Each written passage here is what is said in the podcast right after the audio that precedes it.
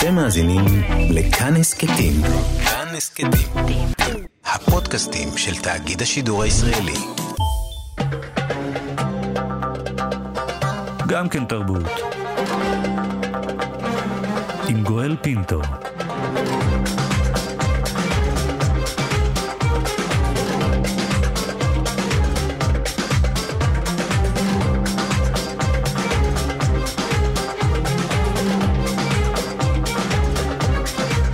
שלום, תודה שבחרתם להאזין לנו. הסכת אה, גם כן תרבות, המיטב מתוך התוכנית היומית שלנו, המשודרת בכל יום ברדיו כאן תרבות, 104.9, 105.3 FM. תהנו.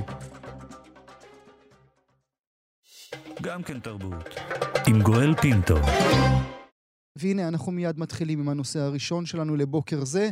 חנות הספרים של איברהים נהרסת והוא נזרק חסר כל לרחוב. במהלך השיטוטים שלו הוא פוגש דמויות חסרות ישע ונוקם במי שפגע בהם. דרך הנקמה שלו מעניינת. בגלל שהיה בעל חנות ספרים, בגלל שהוא יודע ספר, כל נקמה שלו באנשים הרעים נעשית בסגנון ספרותי, כמו רצח שקרה בספר אחר.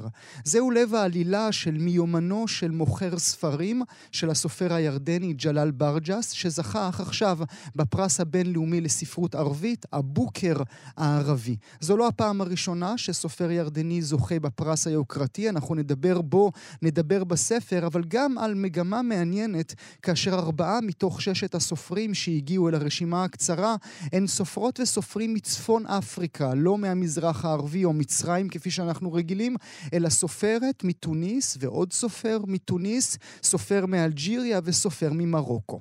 נמצאת איתנו הבוקר הדוקטור ראוויה בורבר, העורכת בסדרת מכתוב של חוג המתרגמים של מכון ון ליר, מרצה וחוקרת ספרות במכללת אורנים. בוקר טוב לך, תודה שאת נמצאת איתנו הבוקר.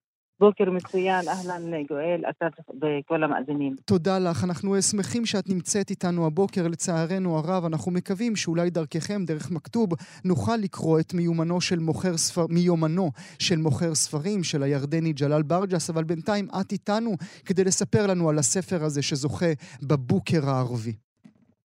כן, זה רומן מיוחד ממנו, ולפי דעתי אה, ג'לאל... זכה אה, והוא, ומגיע לו לזכות בפרס אה, היוקרתי הזה, כי הרומן מיוחד במינו. אה, הרומן מדבר על ההשתקפות הטרגדיה של האדם הערבי מתוך הסתכלות על הפרט. הפרט המשכיל, שאין לו מקום טוב בחברה שלו. המשכיל, הקורא, בעל חנות הספרים שנהרס מאילוצי פיתוח ברחוב. המשכיל שמוצא עצמו הומלס, סובל מעוני אדיר. אז הפתרון שלו היה אה, גואל השיזופרניה. אז גיבור בתוך גיבור. הדמות המרכזית מוציאה ממנה עוד דמות שהיא ההפך ממנה. הגיבור המשכיל, החלש, הנכנע, שאנחנו מזדהים איתו, שוכן בתוכו עוד גיבור, שהוא ההפך ממנו לגמרי. רע, חזק, אלים, מתגרה באברהים החלש ומניע אותו להתנהג אחרת. יוצא לו בכל מעמד ממעמדי חולשתו ונוזף בו על חולשתו.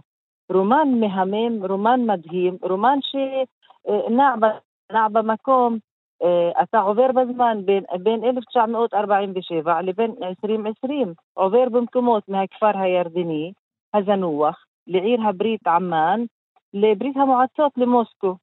ואתה אתה כקורא, אתה לא תופס. אתה לא יודע אה, אה, את מי, את מי אתה חייב לעקוב עכשיו. אתה לא תופס מה עושה, מה עושה אה, ג'לאל באריג הזה. הוא הורג, הורג, הורג ומשאיר את החוטים, משאיר לנו חוטים, משאיר לנו חוטים. ופתאום אתה מוצא את עצמך כקורא, אתה מושך בחוטים שהוא משאיר ואתה מתחיל להרוג איתו. אז אתה שותף בכל... אה, בכל, בכל שלב ושלב של, ה, של כן, הספר. כן, הזכרתי כן. את העובדה שהוא משתמש בעלילות של ספרים מוכרים שכולנו מכירות ומכירים כדי לבצע נכון. את הפשעים שלו. תני לנו דוגמאות, ממי הוא לוקח? ממי הוא שואב? למשל, הוא שואב מנג'יב מחפוז, זוכה פרס נובל, הערבי היחיד שזכה בפרס נובל בספרות, נג'יב מחפוז, אז הוא, אה, אה, יש, יש לו רומן שקוראים לו הגנב והכלבים. אז הוא שם אה, משתלט על אחת הדמויות, זה אה, שהיה בבית הכלא, יצא, הוא רצה לנקום מאשתו ומהחבר שלו, אז הוא, הוא לובש כמו, כמו אותו סעיד, לובש, לובש כמוהו, מתנהג כמוהו, הוא מאמץ את הדמות מתוך הרומן, והולך, עושה את הגניבה שלו, את שזה מעניין, שלו. שזה מעניין, לא, שזה, וואו, שזו גניבה, זה מהמם. זו גניבה כפולה, הוא גם, נוג, גם גונב ממחפוז את העלילה של מחפוז, כן, את, ה, כן. את הדרך מחשבה של מחפוז, וגם אה, גונב, אה, אה, אה, את נוקם, הדמות. גונב את הדמות. כן, גם, זה, זה גם, לא רק מחפוז גואל, זה גם דוסטויבסקי, הוא, הוא גונב מכולם. אז, אז זהו, בדיוק באתי כן. לשאול אותך, האם הוא לוקח רק מהספרות הערבית, או גם לא, לא, לא, מזו לא, המערבית? לא, גם המערבית, אה, גם אה, מכל מקום, גם מרוסיה, גם מצרפת, מכל ספר ורומן שהוא קרא, ויש שם אה, דמות חזקה, שהיא ההפך לדמות החלשה של אברהים, אז הוא מאמץ אותה, הוא חי, הוא, הוא היה לו תחביב כאשר היה קטן, הוא היה אה, מחקה את האחרים. זה, זה היה התחביב שלו. אז התחביב הזה יצא בשיזופרניה, יצא בדמות הגיבורת. יש, יש דמות, כן, לא חלשה, ש... אבל הוא לא יודע מה הוא עושה. הוא כאשר הוא מתעורר, הוא רואה שהוא שלח אס.אם.אס, שהוא כתב משהו בפייסבוק, הוא אמר מה אני עשיתי את זה, אני כתבתי, אני שלחתי לדוקטור יוסף, אז הוא עושה את כל מה שהוא עושה, והוא אה, אה, בלי הכרה. מעניין. שהוא, כן. וג'לאל, הסופר הירדני, דורש ממני הקורא להכיר את העלילות של דוסטויבסקי ומחפוז, אם אני לא מכיר את העלילות, את סיפורי המקור. לא, לא, לא, לא, לא, לא, בקלי קלות אתה נכנס לדמות, כי הוא מתאר אותה. הוא חזק בתיאורים, הוא חזק בתיאור הדמות, בתיאור ההתרחשויות. איך הוא אה, מאמץ את הדמות, אה, באמת מדהים. וכל הרעיון של המחברות, שהוא קורא את מחברת אה, לילה, קורא את מחברת אסמאء, קורא את המחברת של סבא שלו, של אבא שלו, הוא פותח לנו מחברות, מחברות, אתה לא יודע האם יש ביניהם אה, כל יחס, מי זה, מי זה ג'אד, ג'אד אללה. הוא מספר לנו סיפורו של ג'אד אללה שנסע ב-47 למוסקו כדי ללמוד אה, רפואה, אבא שלו רצה שהוא ילמד רפואה, הוא למד, למד פילוסופיה, שם הוא הכיר מישהי שהתאהב בה ונדרסה, והוא חי אה, ככה חיים של אכזבות. אז אתה אומר, למה הם מספרים לי עכשיו את סיפורו של ג'אד אללה? היינו בסיפורו של אברהים, ופתאום אתה, כן, פתאום אתה מגלה, אתה רוצה לקרוא עוד. אתה אומר, וואו, מאיזו, מאיזו, מאיפה, אה, אה, מאיפה בא, בא זה ג'אד אללה עכשיו אה, ומוסקו ו-47 ושם? הוא שותה וודקה באחד הערבים, והוא ככה מתנפל על הסובייטים ואומר להם, אתם האשמים במלחמת ששת הימים, אתם הפלתם את הערבים, אז הוא נאסר בברית המועצות. כאשר הגיע לירדן הוא נאסר בירדן. והוא במקום להיות רופא היה מורה בבית הספר, הוא היה מלמד, אמרו שהוא קומוניסט, סגרו אותו, הוא יצא מהכלא ושתק, וביקש מהבנים שלו לשתוק. ואתה לא מבין, אז למה מספרים לנו את סיפורו של ג'אד אללה? בחייכם, אנחנו היינו עם אברהים, ופתאום אנחנו מגלים שג'אד אללה הוא אביו של אברהים. אה, וואו, אה, וואו, אה, וואו, וואו. וזאת האהובה אה, שהוא לא ידע את שמה, הוא זוכר רק האות הראשונה מהשם שלה, נון. אז הוא מחפש אותה, כל הרומן הוא מחפש אותה, הוא מתאהב בה, הוא שולח לה בפייסבוק, הוא כותב בפייסבוק כל מיני סיפורי אהבה, והוא לא יודע אה, מי זאת האהובה הזו, עד שהוא פוגש איתה באחד הימים, ויש, ויש בידה את המחברת של ג'אד אללה. ופתאום הוא מגלה שהיא הייתה אהובתו של האבא שזנח אותו. והכל מתחבר וואו. יחד. מה את יכולה כן. לספר לנו על הסופר הירדני הזה, על ג'לאל ברג'ס? אה, הוא זכה בפרס קטר על הרומן הערבי ב-2015, אמ. אה, על הרומן שלו נחשי האש. ב-2019 היה שמו ברשימה הארוכה לפרס בוקר, הפרס שזכה בו עכשיו. ב-2014 זכה בפרס אה, רבקה דודין, וב-2012 זכה בפרס רוקס בן אה, זייד אל-עזיזי, אהמ. וב-2021 הוא זכה בפרס הבוקר הזה. שהוא אה, והוא, הוא- הוא- הוא לפי גם- דעתי, הוא גם, כן. הוא גם משורר, הוא גם משמש כעיתונאי כן, שם. כן, אה, גבר- כן, הוא- הוא אפילו מגיש תוכנית רדיו ממש דומה למה נכון, שאני מגיש, נכון, למה שאני. מגיש הוא- ממש עכשיו. הוא גואל פנטו של הירדן. כן, כן, כן, כן. אפילו בספיר לא זכיתי. אה, אני- אני הזכר- אני הזכרתי קודם, ברשותך, את העובדה שברשימה הקצרה היו הרבה מאוד סופרות וסופרים מצפון אפריקה דווקא. מתוניס, מאלג'יריה, כן. ממרוקו. כן. האם זה מעיד על איזושהי מגמה בעינייך על כך שדווקא הספרות המצרית הולכת והופכת לשוליים? לא, בוא ניקח את הדבר מהצד הפוליטי, יואל, ונהיה ככה כנים. אתה יודע שהאחראים על הפרס, הפרס הוא בחסות איחוד האמירתים, ואחרי שאיחוד האמירתים חתמו הסכם שלום עם ישראל, אז הרבה אנשים, הרבה סופרים מפורסמים יצאו נגד הפרס. מהם גם סופרים מפלסטין, סופרים ממצרים, אז היה משהו השנה נגד הפרס, והאמונים על הפרס אה, ביקשו שהפרס הזה אה, לא תהיה עליו, לא יהיה עליו מונופול, שהפרס הזה לא יהיה שייך לאף מדינה, שזה יהיה מכל מדינות ערב. מדהים, זה אומר שההשלכות כן, על הסכמי כן. אברהם מגיעים גם אל עולם התרבות שם של רבים שאינה, שלא לא רצו להגיש את, הס, את הספרים שלהם לפרס כן. וההחלטות שלהם. מעניין אה, נכון, עד מאוד. נכון, האם, נכון. האם את יכולה להגיד לי שאת הולכת היום להנהלת אה, מחלקת מכתוב לתרגם עבורנו את הספר הזה? כן, כן, אני כבר אבקש, אני אציע את הספר הזה, אני, הדוקטור בורברה? על הספר, כן, כן. כן. לפי דעתי, הספר, אה, כל, כל אחד חייב לקרוא אותו, כי, כי גם הקורא האחר, הקורא היהודי, חייב לראות את התמונה האחרת של הערבי, הערבי הסובל מהאבא שלו, מהשלטון. יוסף, דוקטור יוסף, שהוא הפסיכולוג של אברהים ברומן, אומר אולי אנחנו חייבים להרוג את האבא כדי לחיות בשלום. והאבא הוא הסמל, האבא הוא הסמל של השלטון. תמיד, תמיד צריך כן. להרוג כן. כדי להמשיך לחיות. נודה לך על השיחה המעניינת הזאת מיומנו של מוכר אה, ספרים, אה, זוכה פרס כן. הבוקר הערבי, הדוקטור ראויה בורברה. יואל, תודה. אני, אני רק רציתי ככה אה, אה, לקרוא לכם בשמחה, משפט אחד. בשמחה. כן, כן, אפשר בערבית, בעברית, מה אתה רוצה? אה, אה, יש לי- שניהם. יאללה, אז אני אקרא גם, זה אה, לפי דעתי, אה, זה המשפט שמסכם. متى يصير القلب بيتا حينما يغفل الوطن عنا منشغلا بثارات السياسة وبسقوط الساسة الطوعي في حفرة الخطيئة حينما تقسو السماء وتفتح أبواب الصقيع على مصراعيها فتبتكر معنى جديدا للعراء قلبك بيتي.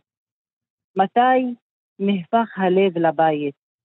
كأشيرها مولادت مزنخاء تانو لما عنها ملحماها بوليتت بنجدولين כאשר הפוליטיקאים נופלים בבור החטא, כאשר השמיים פותחים את דלתות הכפור על רוחבן, אז אתה מתחיל לייצר משמעת אחרת למרחב, אז אתה מחפש לך לב שיהיה ביתך. הלב שיהיה הבית של כולנו. תודה רבה לך, דוקטור ראויה תודה, בורברה. תודה תודה, רבה גואל. שהיית איתנו הבוקר. יום טוב, יום טוב. גם כן תרבות, עם גואל פינטו. הוא נולד בתל אביב בדצמבר 1930, למד בבצלאל, אחר כך השתלם באקדמיות לאומנות בפירנצה ופריז. בשנת 1977, כשהוא בקושי בן 50, הוא זוכה בפרס ישראל, ולא בכדי. היצירות שלו הפכו כל כך מזוהות עם הסביבה הישראלית, שנדמה שכך נולדה הארץ. מאנדרטת הנגב המונומנטלית, דרך הכיכר הלבנה בתל אביב, האנדרטה לחללי חטיבת הראל בירושלים, כיכר התרבות, זו שבין היכל התרבות לתיאטרון הבימה, וכמובן, כמובן, היצירה המצולמת ביותר בתולדות המדינה, הקיר באולם הכנסת, זה שעומד מאחורי כל נואם. שאי שלום ירושלים. אתמול, כשהוא עוד רגע בן 91, כשהוא עדיין בפול גז, רק עכשיו מוצג סרט יהודי נעדר אודותיו, בספטמבר אמורה הייתה להיפתח תערוכת יחיד שלו במוזיאון ישראל, הלך דני קרוון לעולמו. בתו ומנהלת הסטודיו שלו, נועה קרוון כהן, נמצאת איתנו הבוקר. תודה לך שאת איתנו, נועה. בשמחה. סליחה. תנחומים רבים מאיתנו. תודה, תודה רבה. עד כמה מצבו של אבא היה קשה בחודשים האחרונים? אמ, האמת היא שמבחינה קוגניטיבית, עד ממש לפני כמה ימים הוא היה לגמרי, לגמרי, לגמרי איתנו. אמ, ופיזית לאט לאט הוא הלך והידרדר, וזה היה מאוד מאוד קשה לראות אותו כלוא בתוך הגוף הזה שפשוט אה, הולך ובוגד בו. איפה הוא היה בשעותיו האחרונות? בבית, אה. בבית. אוקיי, כן. זה מין נחמה עבורכם? מאוד. הוא היה מאושפז אה, לשבוע, שבוע מאוד קשה, אה, בינואר בתל השומר. אה, ואחרי שהוא שוחרר זה ממש הייתה גם הבקשה שלו וגם החלטה משפחתית שהוא נשאר בבית. כולכן הייתם איתו? כן. זה רגע שמה, שמחכים לו? זה רגע שמבינים שאין ברירה, שהוא יבוא? אמ, כן, באיזשהו מקום כן, ראינו אותו ככה הולך ומידרדר מול עינינו, וראינו את הסבל שלו. בלילה האחרון אה, אחותי הגיעה ממש ברגע האחרון, אחותי יעל הגיעה ברגע האחרון מליסבון, ואחותי תמר, הם שתיהן היו איתו בלילה האחרון, אני הייתי בבוקר, זה כבר הרגיש שזה הסוף. אה, הוא היה מאוד חלש, הוא בקושי כבר דיבר. כן. את יודעת, אה, זה מוזר, כי הזיכרון שלנו, אה, אלה שאינם בני המשפחה, הוא זיכרון אחר, כן? רק לפני רגע ראינו את הסרט המצוין של אה, ברק אימן, שגם יהיה איתנו בהמשך התוכנית. והוא דיבר בכל מקום, וזה היה נדמה כמו איש ש, ש, שלא ילך לאף מקום.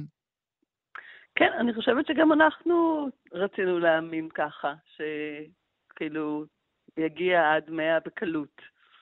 הייתה תחושה שהבטריות שלו לעולם לא אה, ייגמרו, אבל אה, המציאות לצערי הייתה אחרת. ואפרופו באמת הסרט, אז באמת לפני כמה שבועות, אז אה, ברק הזמין אותי אה, לשיחה בסוף הסרט, ו...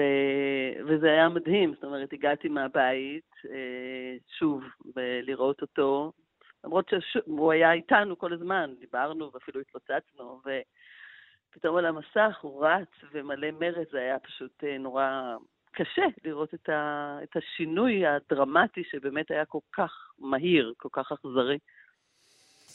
הוא היה עבורך אבא או שהוא היה אומן שהרצת? הזכרתי בתחילת דבריי שאת לא רק הבת, את גם מנהלת הסטודיו שלו. איך, פר, איך פירקת את זה במוח שלך, את שני האנשים, את שני התפקידים? אמ, אני התחלתי לעבוד איתו בגיל יחסית מאוחר, התחלתי לעבוד איתו כשהייתי אה, בהיריון עם הבת שלי, אה, בגיל 40, אחרי שכבר עשיתי די הרבה דברים, ואני תמיד אומרת שזה היה הרגע הכי מתאים מבחינתי, כי כבר לא הייתי ה... אה, לא הילדה המעריצה ולא הבת המורדת, וכבר עשיתי מספיק דברים של עצמי.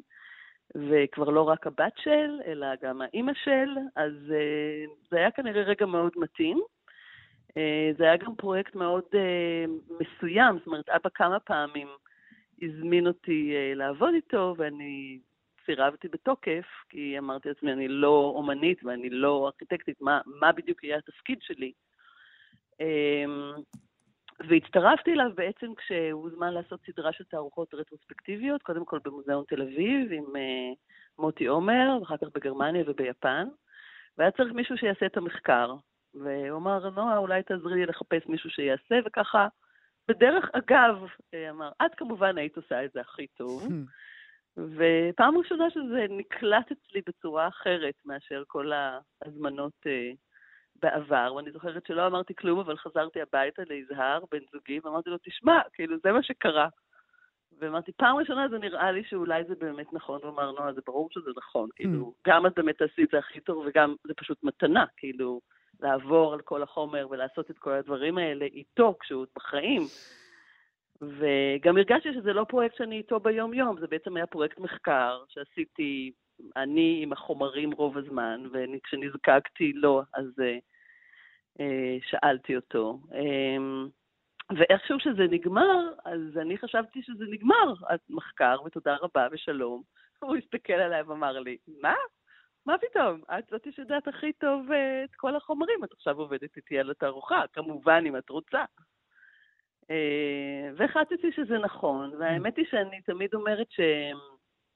זה היה מזל מאוד גדול בגלל שמהרגע הראשון שהתחלנו לעבוד על התערוכה, זה היה לגמרי בגובה העיניים. זאת אומרת, לא, הוא לא נתן לי לרגע את התחושה שהוא או האבא או האומן הדגול ואני, כאילו, הבת הקטנה או מי שעשתה בסך הכל את המחקר, אלא כל הזמן רצה את השיתוף פעולה ואת הדעה שלי ואת הייעוץ שלי, mm. באמת הייתה עבודה משותפת. אה, עוד רגע אשאל אותך איזה אבא הוא היה, אבל השאלה הבאה שלי כבר ענית, איזה מין בוס הוא היה? אז שלי הוא לא היה בוס אף פעם, והאמת היא שאני חושבת שהוא לא היה בוס של אף אחד אף פעם. אה, יש לנו קצת אפילו בדיחות על זה בבית. אבא הוא מוצר אה, מובהק של השומר הצעיר. השומר הצעיר, אה, והוא לא מאמין בכסף, והוא לא מאמין ב... בשום אה, אה, צורה של כוח. אה, אני חושבת שמשם גם בא המאבק הבלתי מתפשר שלו לשלום ולזכויות. אז הוא לא ידע להיות בוס, הוא לא ידע לדבר על כסף, הוא לא ידע להיות בוס, כל מי שעבד איתו התאהב בו. וזה, כן, זאת הייתה, מתנה שלו. ואיזה מין אבא? אמ, הוא היה אבא, אנחנו היינו קוראים לו מגדל הפיקוח.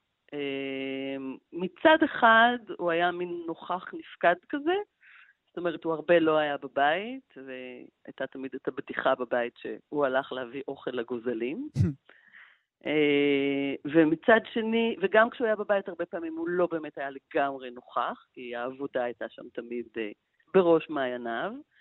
ומצד שני, למשל, אם אני הייתי נוסעת לאנשהו, עד לפני ממש לא מזמן, ואני כבר לא ילדה, אבל עדיין הייתי הילדה שלו, אז הייתי מקבלת טלפון אפילו בשש בבוקר, אה, המונית כבר הגיעה, אה, את הגעת כבר לשדה תעופה, אה, כבר עברת את הביטחון, כאילו, הוא היה מלווה אותנו בכל דבר, ואם חס וחלילה מישהו העז לפגוע בנו או לעשות משהו שגרם לנו איזשהו אה, כאב, הוא היה מיד שם, ו... מתייצב לצידנו ומוכן לצאת להגנתנו בכל צורה ודרך. את יודעת, אני עוד רגע אשמיע לך ולמאזינות ומאזינים אה, קטע מתוך שיחה אחרונה שאני קיימתי עם אביך, אבל אני יכול לומר שתמיד הייתן, אה, תמיד הייתן בשיח שלו. תמיד אה, את, תמר ויעל, הייתן חלק, חלק מכל ראיון, חלק מכל שיחה. זה היה אתן והיצירות שלו.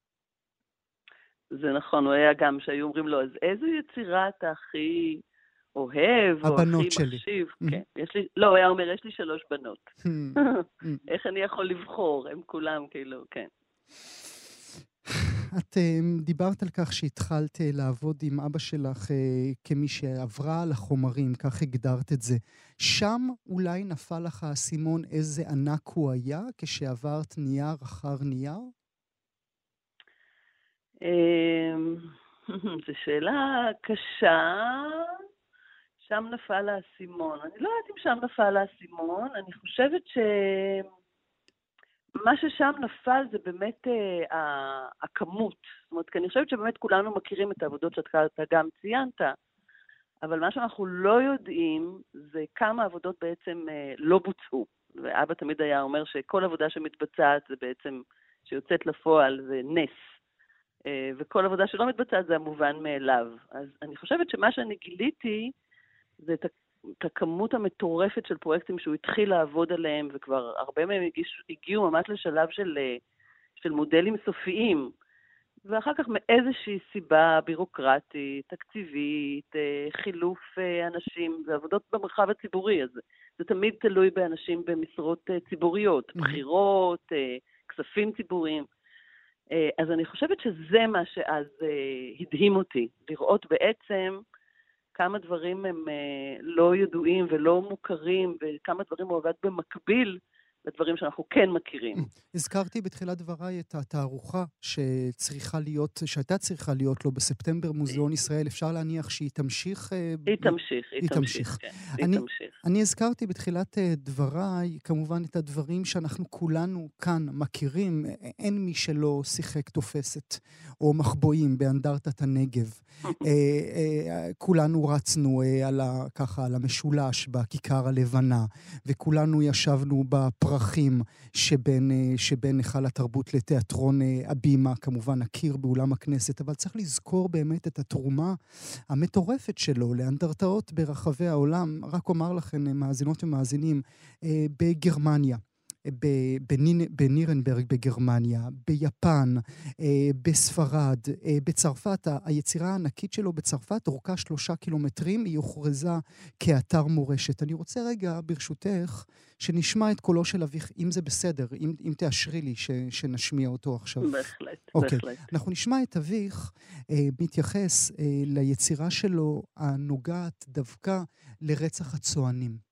ואותה באמת תמה הנוגעת אה, לזכויות מיעוטים, והיא חלק מרכזי ביצירות שלך ברחבי העולם. בוא נדבר על כמה מהם, אם לא אכפת לך. נתחיל אולי, רוצה, נתחיל כן, אולי באתר רוצה... ההנצחה לצוענים בברלין. אז בוא אני רוצה להגיד לך, אני לא יזמתי שום עבודה שלי בעולם. אני עובד לפי הזמנה. כפי שזה נעשה בתקופות, למשל הרנסאנס, לפני הרנסאנס, גם הברוק, עד שהאומנות הפכה להיות למסחר. ובדרך כלל עבודות היו באמת למקום, קריאות מקום, כמו שקוראים סייד ספציפיק. אז מה בנושא הזה בכל זאת כן נגע בך?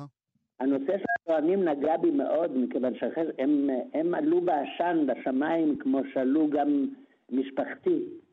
והם, אבל אותם, רובם לא היו במחנה הסגר, רובם נהרגו בחוץ, בשדות. הם הסתובבו עם עגלות שלהם, הם עמדו, ובשדות ירו בהם, וה, והקברים שלהם זה צמחי בר שגדלו בשדות. Mm-hmm, mm-hmm. ואז אמרתי, אני אשים צמח בר, אה, פרח בר, פרח בר, וזה יהיה בעצם האנדרטה שלהם. זה מדהים אה, לשמוע אותו עכשיו, ובאמת להבין שכל יצירה שלו אה, באה לגמרי מהמקום ה... איך אני אגיד, גם פוליטי אמנם, אבל לגמרי לגמרי ערכי שהיה קיים בו. הוא היה, הוא היה אומר גם שאחד המרכיבים החשובים של העבודות שלו זה הזיכרון של המקום. זאת אומרת, הוא היה מגיע למקום ומחפש את, ה, את הסממנים של, ה, של העבר, של הזיכרון, מה בעצם יש במקום הזה. וגם הוא היה אומר, עוד דבר, הוא היה אומר שהוא היה שואל את המקום. הוא היה מגיע ואומר למקום, כאילו, אני חושב אולי לעשות פה משהו מבטון. יש פעמים שהמקום היה פשוט אומר, לא, לא, אי אפשר.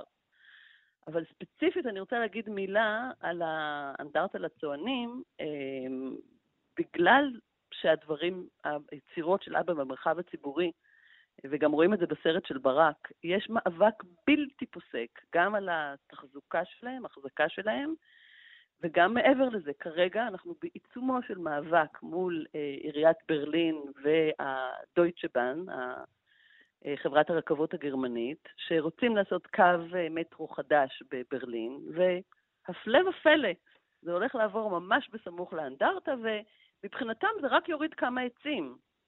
וחוסר ההבנה שהיצירה הזאת נבנתה לקרחת יער. Mm. זאת אומרת, אם אתם תורידו עצים ולא תהיה יותר קרחת יער, אז כל המקום הזה מאבד את האופי שלו, והעבודה מאבדת את האופי שלה, וזה כל כך קשה להסביר את זה לאנשים.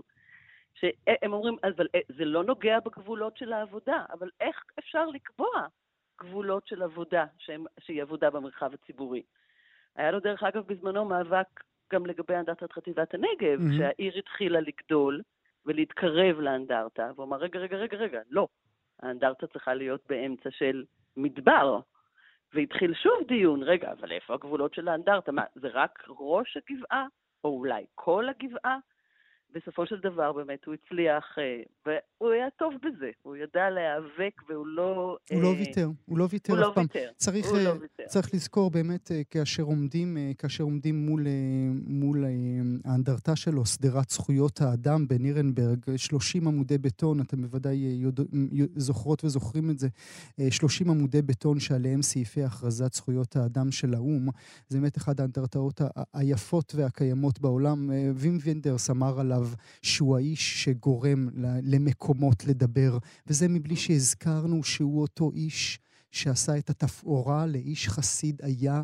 זה באמת, אנחנו, אנחנו קשה אפילו, קשה אפילו לומר עד כמה האיש הזה תרם לתרבות של כולנו. אני רוצה לשאול אותך, אפרופו, אם זה בכלל, אם זה בכלל חשוב, אולי תאמרי לי, גואל, זה לא חשוב בכלל. ההספדים שנשלחו החל, החל מאמש. הנשיא ריבלין אמר עליו, דני קרוון, אהובנו, הלך מעימנו, העצב גדול כל כך, הוא היה יקר לנחמה ולי מאוד. זה יפה איך הנשיא עדיין מזכיר את נחמה בהספדים וברגש היפה הזה. הוא באמת אומר דברים מאוד יפים על אביך, כך גם שר התרבות. אני לא ראיתי עד כה דברי הספד של נתניהו. שמעתם ממנו? לא, אבל זה באמת לא מעניין. כאילו, אה, ממש לא. זאת אומרת, אבא ממש לא היה מעוניין בשום הספד ממנו. זה איש שהוא לא... ממש... אין, אין לי מילים, אני אפילו לא רוצה להגיד, כאילו... לעומת זאת, כן, אה, רובי ריבלין זאת הייתה חברות ש... שהתפתחה ונולדה בעקבות איזושהי בקשה שהוא יחתום על הקיר אה, בכנסת. Mm-hmm. ולמרות שהדעות הפוליטיות שלהם הן לא, הן לא חופפות, הן לא זהות, אה, עדיין משהו באנושיות של, אה, של, אה, של הנשיא שלנו מאוד מאוד מאוד נגע בלב של אבא, ולא בכדי הוא מזכיר את אשתו, מפני שנחמה הייתה אישה שמאוד הבינה והכירה ואהבה אומנות. Mm. וחלק מהקשר המיוחד שנוצר באמת בין אבא לבין רובי ריבלין היה מאוד קשור לנוכחות של נחמה mm-hmm. בתוך המשולש הזה. עוד בחייה, כאשר נחמה שלחה דברי הספד על מותו של אומן או איש תרבות, ידעת שהיא קראה את הספר עליו היא מדברת, ידעת שהיא צפתה בסרט עליה מדברת, ידעת שהיא מבינה באמת בתחומים אה, האלה. אה, הזכרת את ה... הזכרנו את הקיר בכנסת, גם צריך להזכיר שהיה איזשהו רגע אה, פוליטי, היסטורי, שהוא דרש שיכסו את המונומנט הגדול הזה בגלל אה, חוק שעבר באותה תקופה. אה, כן, עבר חוק הלאום, כבר לפני זה. זאת אומרת, הרבה דברים שנעשו בק... בכנסת, אנחנו שמענו אותו אומר את הדברים האלה בבית, והוא אמר ש... שהוא מתבייש ושהוא בטוח שגם הקיר מתבייש. אה, וכשעבר חוק הלאום, אז, אז הוא אמר שזה לא, לא תואם לחלוטין את הערכים שהקיר הזה אמור היה להביא והרוח אה, שהוא, שהוא מביא איתו, והוא, ביקש באמת אה, לכסות אותו. זה היה כמובן אקט mm-hmm. מחאתי, כמו שהוא אהב לעשות, אבל מאחורי זה באמת הייתה אמונה שלמה שהמקום הזה היה צריך להיות מקום אחר. והוא בתור מי שהיה בשומר הצעיר, והקים, היה במקיבי קיבוץ הראל בצעירותו, בעל דעות מאוד אה, מובהקות מבחינה פוליטית, אה, כשהוא עשה את הקיר, הוא באמת האמין שהמקום הזה יהיה אחר. נאמר אה, למאזינות והמאזינים, אה, ארונו יוצב מחר בין 11 ל-1 ברחבת הכניסה של תיאטרון הבימה בתל אביב, והלוויה תתקיים בחמש אחר הצהריים מחר בבית העלמין בקיבוץ אה, שובל שבנגב. מילה אחרונה ברשותך, זיכרון אחד שלך ממנו, מה תיקחי איתך? אמ, קשה, קשה לבחור uh, זיכרון אחד, אבל דווקא איזה רגע, כן, מהסרט של ברק, uh, רואים את זה לרגע. נסעתי איתו לסרג'י פונטואז, לאותו מקום ש... שאתה הזכרת שיש בו את העבודה באורך של שלושה קילומטר, uh, ויש שם אי שעדיין בעצם, עוד פעם, שוב, מכיוון שזה כל כך קשה מבחינה תקציבית ופוליטית, יש שם חלק מהעבודה שבעצם עוד לא סיימו אותה. וזו פעם ראשונה שהגענו לאי הזה עם, אה, עם איזושהי סירה קטנה, ועלינו, טיפסנו על האי. ו... ו... וקצת הייתה תחושה של כמו אה, משה שמגיע ורואה את, אה, את הארץ. את, את הארץ ולא יכול להיכנס אליה, זה היה כאילו, רואים משם מראה מרהיב של האקס מז'ור, אבל עדיין עמדנו במקום שבעצם הוא הסמל לזה שהעבודה הזאת לא, לא הסתיימה. זה היה אחד הדברים שמאוד היה קשה לו. אה, וכאילו, כן, היום עובדים על זה מאוד במרץ, ואולי באמת אה, כן הצליחו לסיים אותה, אבל התחושה הזאת שהוא עומד שם, במקום הזה שכל כך משמעותי בשבילו, וזה עוד לא, עוד לא גמור. ומצד שני, הרגעים שלו עם הנכדים שלו, אני חושבת שזה היה רגעים... אה, היו לנו חופשים בשנים האחרונות משותפים, משפחתיים. יש כמה צילומים נהדרים ששני הנכדים שלו, איתמר ועלמה, אה, הוא יושב על כזה כיסא נוח, ושני הנכדים שלו אה, עליו, וזה גם רגע שמאוד מאוד יישאר איתי. נועה קרוון כהן, תנחומים מאיתנו, תודה רבה לך שהיית איתנו הבוקר. תודה גואל. תודה רבה, תודה. גם כן תרבות, עם גואל פינטו. אל הנושא הבא שלנו, אל סיסטמה, תזמורת הנוער הוונצוליאנית שבליבה חינוך למוסיקה קלאסית לבני עניים, הפכה לשם דבר, למודל, למושא לקנאה ברחבי העולם. אחד מהמנצחים, הכוכבים הגדולים בימינו, גוסטבו דודמל, שאך עכשיו מונה למנהל האומנותי של האופרה של פריס, גדל בה, ממש בתזמורת הזאת. אבל עכשיו פוסט אחד בפייסבוק מערער את כל מה שחשבנו עליה. התזמורת, זה ציטוט, מוכה בפדופיליה. פדופילים ובמספר רב של אנסים, רבים בתזמורת משתמשים בכוח שלהם כדי להונות אה, נערות ונערים. ככה בעדות ששוטפת את ונצואלה, מספרת אנג'י קנטרו, אה, מי שהשתתפה בתזמורת הזאת. עם העדות שלה, עשרות עדויות נוספות צצו, בליבן אותה התמה. מורים באל-סיסטמה השתמשו בכוח שלהם כדי לאנוס ילדות וילדים בני 13 ופחות. נמצאים שניים איתנו, גבריאל שוקרון, עיתונאי, יליד ונצואלה. שלום גבריאל, תודה שאתה איתנו הבוקר. שלום גואל, בוקר טוב. ולצידך אה, חברנו אה, נועם בן זאב, מרצה למוסיקה במכללת ספיר. שלום נועם, תודה שאתה איתנו הבוקר. שלום גואל. נתחיל איתך ברשותך אה, גבריאל. ספר לנו את סיפור המעשה שבעצם מתחיל את כל הסיפור הזה סביב אל סיסטמה. אז בחודש אפריל השנה, ממש לפני חודש וחצי, התחיל גל של תלונות מצד נשים בוונצואלה, בלי קשר לסיסטמה, אה, תלונות נגד אומנים ואנשי ציור בעיקר אה, בתחום התרבות, סוג של מיטו כזה מקומי בוונצואלה, תחת הסיסמה ג'וטה קריאו, שבספרדית זה אני מאמין לך, אה, שהרבה נשים התחילו להאשים אנשי ציור יהודים בתקיפה מינית, ובאמצע הפרשייה צצה גם עדות של אנג'י קנטרו, אה, כמו שאמרת, בפייסבוק, שבעבר הייתה באל-סיסטמה, והתחיל לספר על הניצול לרעה של אה, עמדות כוח מצד מורים אה, באל-סיסטמה, שפשוט אנסו, תקפו מינית נשים באל-סיסטמה, וברגע שהיא סיפרה, זה קיבל המון עז בתוך המערכת, זה קיבל המון עז בתוך התקשורת בוונצואלה, שאנשים שפשוט מכירים את הסיסטמה ועקבו אחרי זה במהלך השנים, דיברו שזה היה סוד מוכר, סוד שלא דיברו עליו, שהרבה אנשים ידעו על זה, פשוט מאות נשים יצאו, בוא נגיד, חברו להאשמות האלה של אנג'י קנטרו, אה, וסיפרו על איך במהלך השנים אה, זה קרה באופן מתמשך. אנחנו צריכים להגיד, אנחנו צריכים להגיד משהו על אלה סיסטמה. אה, התזמורת הזו בעצם הוקמה כבר באמצע שנות ה-70, זאת אומרת שהיא כמעט בת 50. האם כל אותן מאות עדויות בשבועות האחרונים מדברות על אנשים ספציפיים, גבריאל, או שהם מדברים על מגמה שכל המורים שם, שכאילו לימדו מוסיקה, אבל בעצם היו אנסים ופדופילים? זה ממש מגמה שמספרים שזה היה פשוט, הצורה שבה הם עבדו, שנשים אפילו לא, לא על דעתם שזה לא בסדר.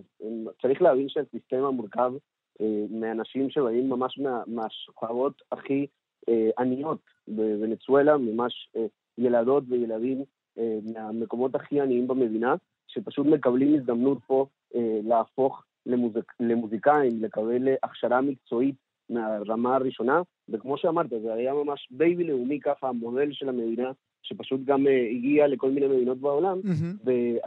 ואנשים שהיו שם בפנים הרגישו את זה, ראו את זה, אבל פשוט לא דיברו על זה במהלך השנים. אולי במידה, רבה, אולי במידה רבה, גבריאל, זה גם נבע מהעובדה שהתזמורת הזו הפכה, איך אומר, הפכה לחלון הראווה של ונצואלה. סרטים נעשו סביב התזמורת הזו, סרטים תיעודיים, סרטים עלילתיים, ספרים נכתבו. זה היה הפנים היפות של ונצואלה. הנה אנחנו מצילות ומצילים ילדים מהפבלות בזכות מוסיקה קלאסית.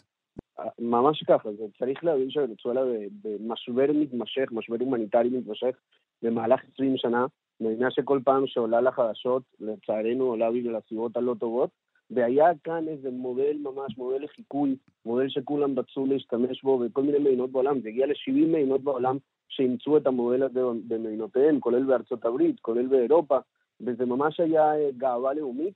ואף אחד לא רצה, אף אחד לא, אף, כולם אה, ככה אה, סגרו את העיניים ולא דיברו על זה, אף אחד לא רצה. גם צריך להבין שיש פה גם מעורבות של השלטון המקומי, של הממשל, שהוא לא ממשל אה, הכי דמוקרטי בעולם, במילים קטנות. אז גם שם הם רצו להשתיק ופשוט להמשיך לתמוך במודל הזה, שנתן גם הרבה דברים טובים, אבל השאלה מה המחיר עבור הנערות האלה. מחיר, מחיר, מחיר, מחיר מאוד גדול. אני רוצה לעבור אליך, אה, נועם. למה זה, נועם בן זאב כאמור, למה זה לא מפתיע אותנו? הרי כבר לפני חמש שנים פורסם ספר אה, על התזמורת הזו, עם אותן עדויות ממש. אה, כן, אה, פרופסור ב... פרופסור אנגלי נסע לוונצואלה כדי לבדוק את, אה, את מה שקורה שם, כנראה הוא שמע בעצמו אה, שמועות, אה, או שרצה פשוט לדעת, כי היו הרבה, אתה יודע, ונצואלה היא רחוקה, רחוקה מאירופה, רחוקה מאיתנו, וכמובן זה קיבל איזושהי אידיאליזציה גם בזכות ה... המייסד של, של כל השיטה הזאת, אבראו, חוסה אנטוניו אבראו. שזכה בהמון פרסים ודיבר, ב... היה דמות מאוד, מאוד מבוקשת תקשורתית. אז אותו פרופסור, ג'ף בייקר, נסע לשם וגילה שם דברים די מזעזעים. ב-2014, אבל 2014 זה היה עוד לפני מיטו ולפני שה... וכמו שגבריאל מלמד אותנו עכשיו, המיטו הגיע רק עכשיו לוונצואלה, זה לא, הם לא חיים אה, במיטו שנתיים שלוש. כן, יש שם גל מאוד גדול של, אה, של תלונות בכל, בכל תחומי האומנות. אז אה, לא יודע אם מפתיע, כן, מי, מי שעקב אחרי זה, אז, אז ידע. זה, זה במידה רבה, נועם, מתחבר למה שגבריאל אמר, ואני אשמח אם, אם תאמר על זה מילה. זה לא רק ההטרדות המיניות בתוך התזמורת הגדולה והחשובה הזו, אלא בספר, אם אני זוכר נכון, הוא דיבר במונחים של עריצות, במונחים של להשתמש בילדים האלה, כמו שגבריאל אמר לנו, שהגיעו מהשכבות הנמוכות, נמוכות, נמוכות ביותר, ושימוש בהם, אה, אה, ושימוש בהם כעבדים. כן, אמ, צריך להבין, סיסטמה היא, היא לא רק תזמורת, היא באמת סיסטמה, היא שיטה.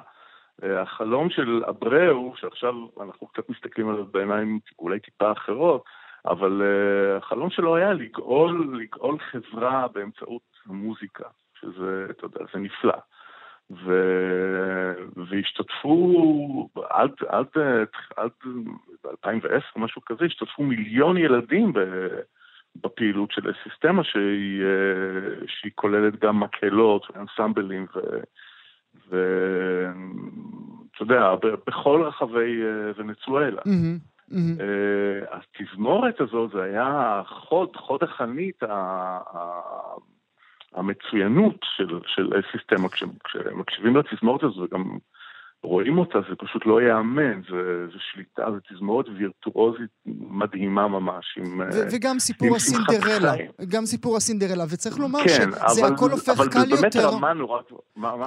אני אומר, זה הופך הכל קל יותר כשיש לך דוגמן כמו דודמל, אה, שמשמש כפנים של ההצלחה הזאת. נכון, נכון. אז התזמורת הזאת היא, אה, היא החוד של, של, של כל השיטה. ותזמורת מטבעה היא, אה, אתה יודע, היא גוף היררכי ומאוד, אה, שצריכה להיות עם משמעת, אה, ותמיד שולט בה מישהו. אז, והמורים, אנחנו יודעים שבכל מקום שיש בו גם בני נוער והוראה וגם ולכן גם אה, מרות, אה, קורים הדברים האלה, גם בישראל. והנפשות האלה, הנפשות שעליהן צריך לחשוב. מילה לסיום אה, שלך, גבריאל, בבקשה. ניקולס מדורו אומר משהו? האמת שלא. נשיא, נשיא ארגנטינה כמובן, הוא אומר משהו? ונצואלה, כן. אה, ונצואלה. יש הרבה, האמת שגם מעניין לראות בתקשורת בוונצואלה, הסיפור הזה בתקשורת המסורתית, הוא בכלל לא מופיע, רק מדברים עליו כוושינגטון פוסט, כמקור לידיעה, זה כן מופיע כמובן בהרבה רשתות אה, חברתיות, ויש הרבה באז ברשתות, אבל בתקשורת המסורתית צריך להבין שיש דיכוי ממש אה, אה, מתמשך גם של המשטר בוונצואלה נגד התקשורת, אז אין הרבה דיווחים בתקשורת. אני לא חושב שיהיה איזה שינוי פה דרסטי של השיטה הזאת, כי לצערנו בוונצואלה הכל מקולקל, הכל לא עובד, אין כבר ערכים ונורמות חברתיות, אז זה רק עוד סממן לדבר הזה, ולא עכשיו משהו ש, שהולך לשנות את פני המדינה, לצערנו. צריך אה, לחשוב כאשר הם מאזינים לתזמורת הזו. גבריאל שוקרון ונועם בן זאב, תודה רבה לשניכם שהייתם איתנו הבוקר. כאן הגיעה לסיומה תוכנית נוספת של גם כן תרבות. כרגיל, אנחנו שולחים אתכם לעמוד הפודקאסטים שלנו, עמוד ההסכתים, בכתובת כאן.org.il/פודקאסט. כמובן, שיהיה לכם מה להאזין. תודה שהייתם איתנו.